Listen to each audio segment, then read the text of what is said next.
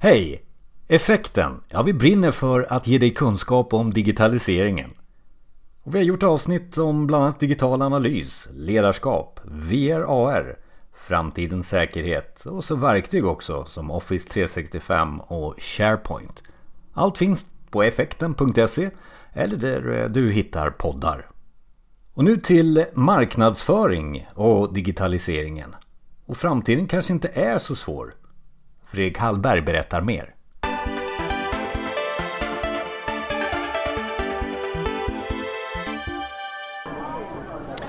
Välkommen till Effekten. Vi är i Karlstad och är på en mässa som heter 100 grader Karlstad.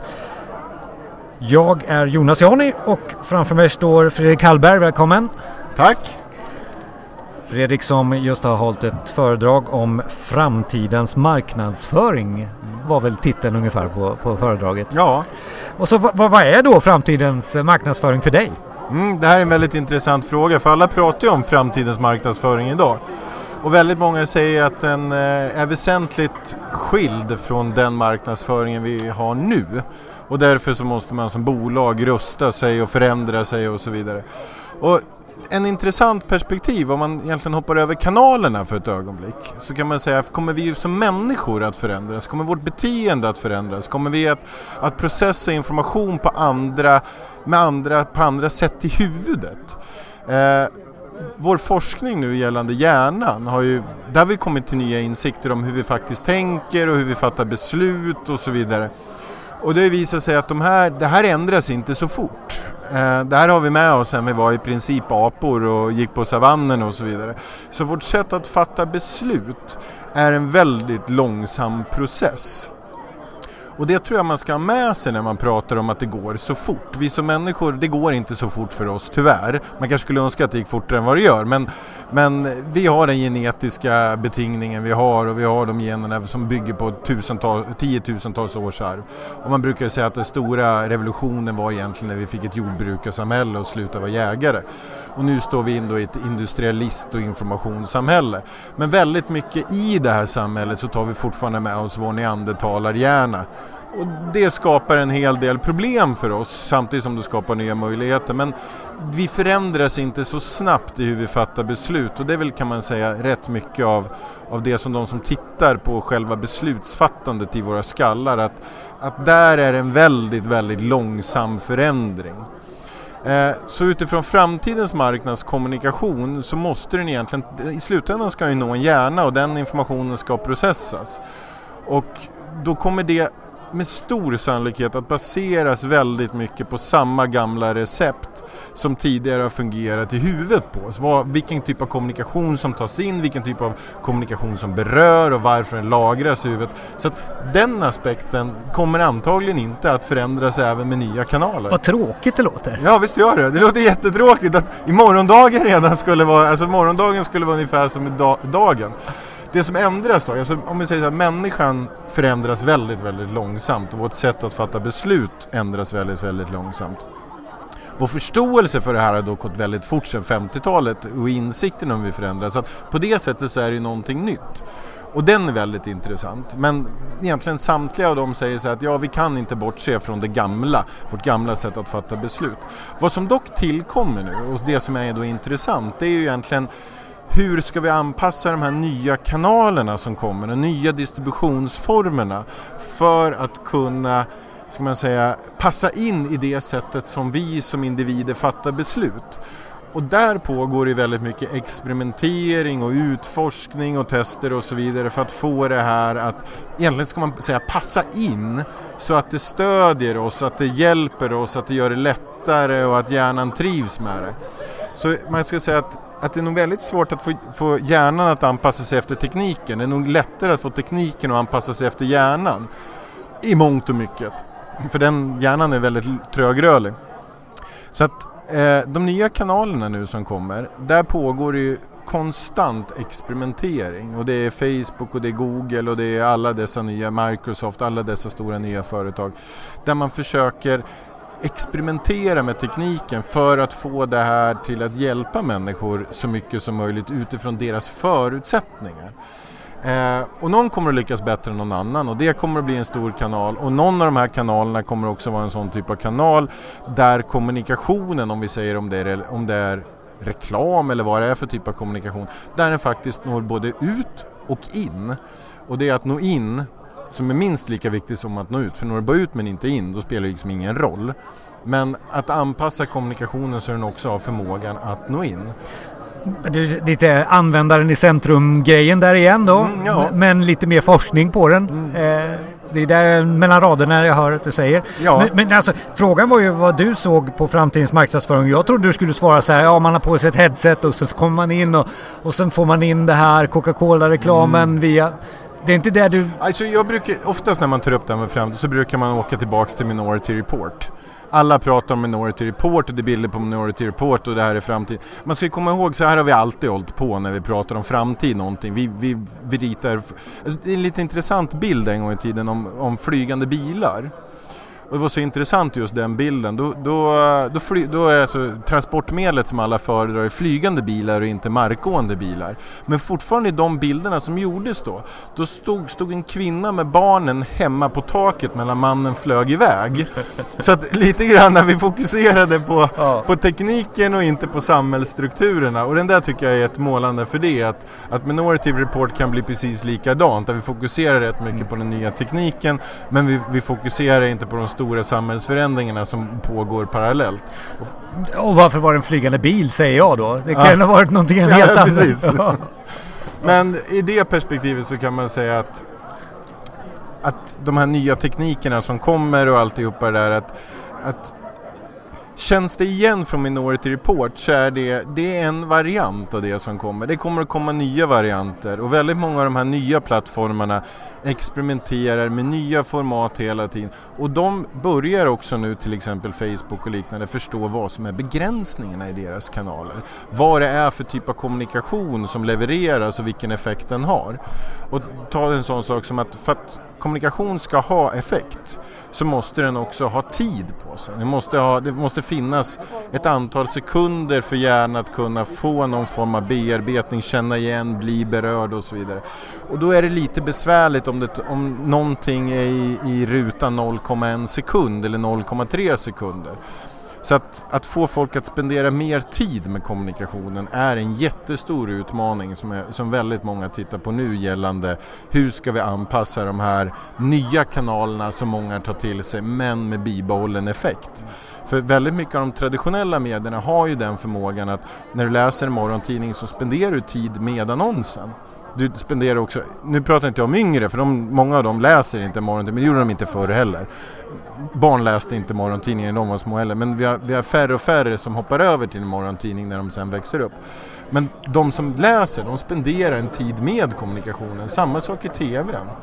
Och det, det, är intressant att du säger, jag brukar gå till mig själv där och säga att jag är trött på de här feederna.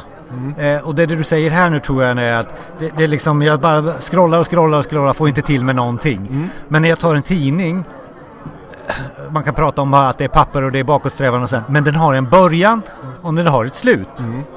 Ja, och du avsätter oftast, de som läser avsätter oftast tid till att ta del av. Man pratar om tid med medier, just att nu är det stunden på morgonen i morgontidningssammanhang. Jag sätter mig ner, jag läser, tar del av vad som har hänt i världen. Här var en annons för cyklar, de har fått in nya cyklar på Sportson. Ja, trevligt, jag visste inte att jag behövde en ny, men jag kanske ska titta på en ny cykel nu när våren kommer. Alltså det finns en typ av relation och det är ingen som hatar reklam i det. Det är också så här talesätt vi har idag. Att alla hatar reklam. Nej, Nej. Det, det gör vi inte. utan rätt reklam i rätt kanal tar vi till oss och vi tycker till och med att det är nyttigt. Alltså att det är trevligt, det är nyttigt. Det är... Sen är det klart att viss typ av reklam som pop-ups på nätet, det tror jag ingen har liksom jublat över och utifrån det perspektivet så kan man säga att det är ingen konstighet då att vi har 40% adblockers i Sverige.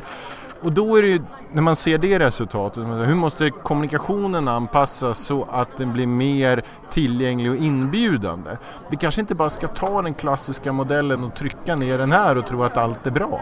Det handlar väl om att bjuda lite på kunskap också i sin kommunikation, inte bara att trycka ut reklam så.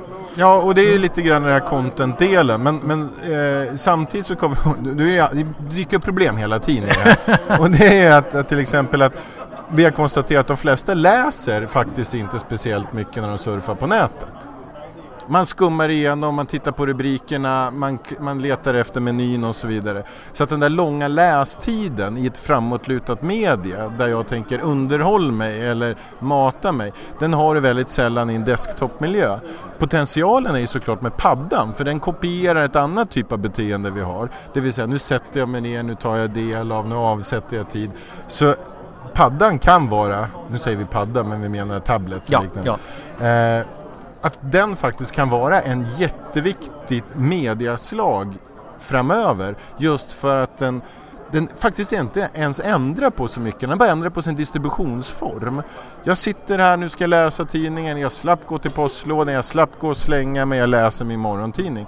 Och som vi ser nu från många mediehus så är det många som just nu får betalningsvilja för det här. Att läsa sin morgontidning eller dagstidning genom sin padda och tycker att det är bekvämt i synnerhet när de åker på semester eller till fjällstugan eller till sommarstugan. Och då, då är vi inne där, ge mig exempel på bra då, framtid som redan finns nu eller framtidens digitala marknadsföring. Är det i padda eller alltså, alltså, är det kanal eller jag, är det innehåll? Jag skulle säga så här att, att framtidens marknadsföring utefter vad vi vet idag kommer att vara i många sätt, på många sätt hyfsat lik den vi har idag. Det beror på vilket perspektiv vi har såklart i tid. Men den har att den måste hitta, om man säger distributionsformen är distributionsformen. Och den kan, den kan separeras. Men kommunikationen för att vara framgångsrik måste lyckas med samma trick som den historiskt också har gjort. Den måste föra fram någonting konkret nytta, den måste vara intressant och den måste också ha förmågan att beröra mig emotionellt. Och det är ett krav idag som det är ett krav imorgon. Och distributionskanalen kan skilja sig åt. Man, har man kan ju säga nej, alltså säger man nej på allt så blir det rappakalja. Ska den inte vara relevant Ska den inte vara intressant? Ska den inte beröra mig? Jo, den måste göra det i alla de här parametrarna. Men va, va är, varför är det så svårt för då, tycker man? Eh, med den nya typen av marknadsföring? Det, ja, det, alltså... är, det, är, en jättebra fråga. Och det, i det här så har vi, om vi säger att den klassiska reklamen, eller nya reklamen måste på ett sätt också göra det jobbet den klassiska reklamen gjorde. Men i de nya kanalerna så hittar på enormt pass många nya sätt. Alltså tekniken ger nya typer av möjligheter. Och de experimenteras det så såklart med. Och det jag pratade om här inne nu alldeles nyss, det var att väldigt många av de här teknikerna är inte alls att de är bra, bara för att de är nya. Eh, vi pratar om att överdriven targeting, att man når alldeles för få. Man kan nå väldigt få idag, men har du en massprodukt som ska rikta sig till ett stort upptagningsområde då ska de här som du faktiskt når och lyckas då påverka, då ska de handla väldigt stora volymer, vilket är osannolikt att de gör. Så att risken är väldigt mycket det här med nischning, targeting, alltihopa. Det är att du säger nej till en massa konsumenter som annars kunde ha handlat hos dig. Eh, man brukar prata, eller jag brukar prata om i marknadsföring att förut kan du, du skjuta med ett hagelbössa och ja. nu måste du skjuta med prickskyttegevär. Mm. Är det prickskyttegeväret vi pratar om här nu? Mm. Eh, prickskyttegeväret blir oftast, har gått i toppspin kan man säga. Ja. Eh, för att vi tänkte att spill är dåligt. För det säger alla, spill är dåligt, vi ska inte ha spill. Men spill är ute efter, om man tittar på de som tittar på det här hur varumärken växer, så är spill fantastiskt bra. Vi vill ha mer spill. De kampanjer som blir berömda, som blir stora, som blir virala, som sprids över hela världen, de lyckas lyfta varumärket och försäljningen bättre än de som har riktat sig till tiotal få. Så vi säger ju faktiskt i vår vokabulär idag två skilda saker. Vi ska pinpointa och vi ska ha viralt. Det är två fundamentalt olika håll i samma mening. För i ena fallet så når du några få och i det andra fallet så når du så många du bara några kan nå. Så att vad du vill ha såklart för att ha störst sannolikhet att få stor försäljning det är att nå så många som möjligt. Och förenklat kan man säga så här att den du inte når kan du inte påverka. Så risken med targeting är att du når för få som du påverkar men de kommer inte att kompensera för de du inte nådde. Så därför så behöver vi, precis som förut, vi behöver också lite grann hagelbrakare då som nu. Och utmaningen är ju att vara observant på vilka som blir den nya tidens hagelbrakare och anpassa kommunikationen i den så att den kan göra samma jobb som vi vet funkar med vår hjärna sedan tidigare. Men det låter ju som att jag måste tänka till lite som gammal ledare inom marknadsföring eller det går inte bara att bara ta reflexen och Nej. göra samma sak som man alltid har gjort. Ja, eller både också här ska man säga idag. Att det finns i många fall så har vi, det har ju byggts varumärken innan. Det har byggts försäljning innan och det bygg, byggdes varumärken genom 50-talet, 60-talet, hela vägen fram in i millennieskiftet. Så att på något sätt har ju någon lyckats göra det med hjälp av den kommunikationen som har gjorts. Eh, idag som ledare så tror jag väldigt många känner en stor stress för att de inte hänger med. Vi hörde i LinkedIn här alldeles nyss där någon säger så här att ja men det gäller att lära och lära om och, och så vidare. Och så tänker man ja men då allt det jag kan är förgäves. Men det är oftast inte så att allt det du kan är förgäves utan det finns, det, det, finns varianter på det du, du kunde innan i nya kanaler men du behöver inte kassera allt du har gjort för det har bevisligen funkat innan och det kommer med stor sannolikhet också att funka senare. Men vad man däremot ska ha det är att man ska ha, som jag pratade om tidigare här, som Tage Danielsson en gång i tiden sa, så här, att utan tvivel är man inte klok.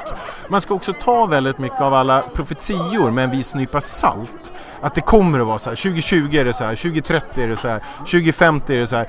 Det sitter alltså några här i Sverige eller i världen och har kristallkulor. eh, och jag skulle gärna vilja prata med dem för jag är nervös för att min bång i, vet i eftermiddag på hästarna inte faller in. Men de här verkar veta framtiden så jag vill gärna ringa dem dem och fråga vilken häst kommer gå i mål i, först i, i eftermiddag. Ja. Så att därför så ska man vara väldigt tveksam när någon säger sig med bestämdhet och sagt att jag har hittat framtiden. Och man måste veta om att man är fortfarande människa som du också började prata ja, om, det stenåldersmänniskan. Och ja. därför så ska inte de gamla, tycker jag, gå och lägga sig och tycka så här att det, här, jag, det jag kan idag är, är värdelöst. Mycket av de här, den här erfarenheten som många byggt på sig genom åren, eh, samtalen, nätverket, förmågan att, att en äldre hjärna är också den att den har bättre förmåga än en ung hjärna. Den lär sig kanske inte lika mycket för att det är för gammal. Men den kan se mönster på ett annat sätt. Den kan associera på ett annat sätt. För den har, den har plockat, den har berörts, den har varit på många ställen. Så att jag skulle också vara försiktig med att säga så här att alla över 50 kan lämna vår organisation och alla 20-åringar ska in här. Jag tror inte det är ett bra recept. Jag tror att kombinera de äldre med de yngre är ett jättebra recept. Och det är och jag är alltid ute efter. Det är och. Det är nya kanaler och gamla kanaler. Det är gamla och det är unga. Det är både och. Det är inte antingen eller. Men då Fredrik, eh, ge mig då checklistan. Hur mm. lyckas jag med marknadsföring som egentligen vi har pratat om mm. i den nya eran? Och då ska jag säga tre saker. Och det här är inte bara jag som säger utan det säger de som har tittat på det här med ja, forskarögon. Det är tre saker som är viktigt. Det har varit viktigt och det kommer fortsätta att vara viktigt. Och det är maximera din fysiska tillgänglighet. Ha många butiker. För då ger du möjlighet att du får många att besöka dig. Ha virtuell tillgänglighet eller mekanisk tillgänglighet beroende på vilket namn man har. Det vill säga att vissa av dina kunder vill inte gå och handla i butik utan de vill gå på nätet. Då måste du ha en butik på nätet också för att maximera din virtuella tillgänglighet. Så det är den första två. Fysisk tillgänglighet och virtuell tillgänglighet och de är väsentligt viktiga båda. Sen finns det en tredje del och det är den mentala tillgängligheten. Tänker jag inte på ett varumärke när jag ska gå och handla så är det stor sannolikhet att jag inte tänker på det. Tänker jag inte på indiska, tänker jag inte på Ellos, tänker jag på H&M och tänker jag på Kappahl istället så är det stor sannolikhet att jag går dit när jag ska gå och handla. Tänker jag på McDonalds när jag ska stanna vid vägen med barnen och de skriker i baksätet så är det stor sannolikhet att jag kliver in på McDonalds. Och finns de då med hög distribution, titta där kom det McDonalds, då är det jättestor sannolikhet att jag kliver in där också. Men det låter som att du pratar multinationella företag här.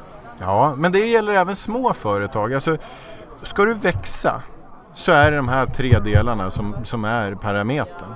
Du har din butik, men för att kunna få fler kunder, öka ditt geografiska upptagningsområde. En del av dina kunder när du expanderar kommer att vara digitala och vilja handla på nätet ha en e-shop, ha en e-handelsbutik. De kanske inte kommer att vara i majoritet men fler och fler successivt kommer. Och sen när du har dina butiker, se till att du finns i åtanke vid ett köpbeslut. Och då måste du nå dem med marknadskommunikation. Oavsett kanal. Ja, digital eller analog spelar egentligen ingen roll. Men de har, finns de här tre bit, bit, pusselbitarna inte på plats, då är det rätt svårt att växa. Tack så mycket Fredrik. Har du någonting att tillägga gällande just det här ämnet som handlar väldigt mycket om psykologi? Ja, och det, det är faktiskt, jag tycker att det här är en fantastiskt rolig bransch för att den sträcker, alltså kommunikation och marknadsföring sträcker sig i ena änden från hjärnforskning och social psykologi och hur vi beter oss som människor där vi försöker förstå våra drivkrafter och beslutsfattande och där har vi Daniel Kahneman och, så det, och det är ena änden av alltihopa. I andra änden så har vi, har vi reklamen och då är det väldigt mycket, nu ska vi ha en releasefest och det är party och det är partyhattar och det ska vara roligt och intressant. Och det, jag tror att det är få branscher som har det här spannet, att det går från hjärnforskning till partaj och, och festligheter och fyrverkerier och hjärnforskning och andra. Och här ska vi försöka samsas allihopa i den här branschen med. Och nu har också en, en tredje faktor kommit in och det är tekniken, så IT och teknikmedier. Och i det här befinner sig idag marknadsföring och marknadskommunikation. Så att roligare så här kan man nog inte ha det än vad vi har det just nu.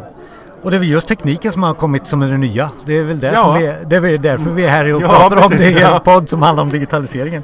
Mm. Eh, Fredrik, vi kommer lägga ut lite länkar som du har pratat om runt den, eh, det här avsnittet i det blogginlägget som vi har runt omkring detta. Fredrik Hallberg, tack så mycket för att du kom till Effekten. Mm, tack själv.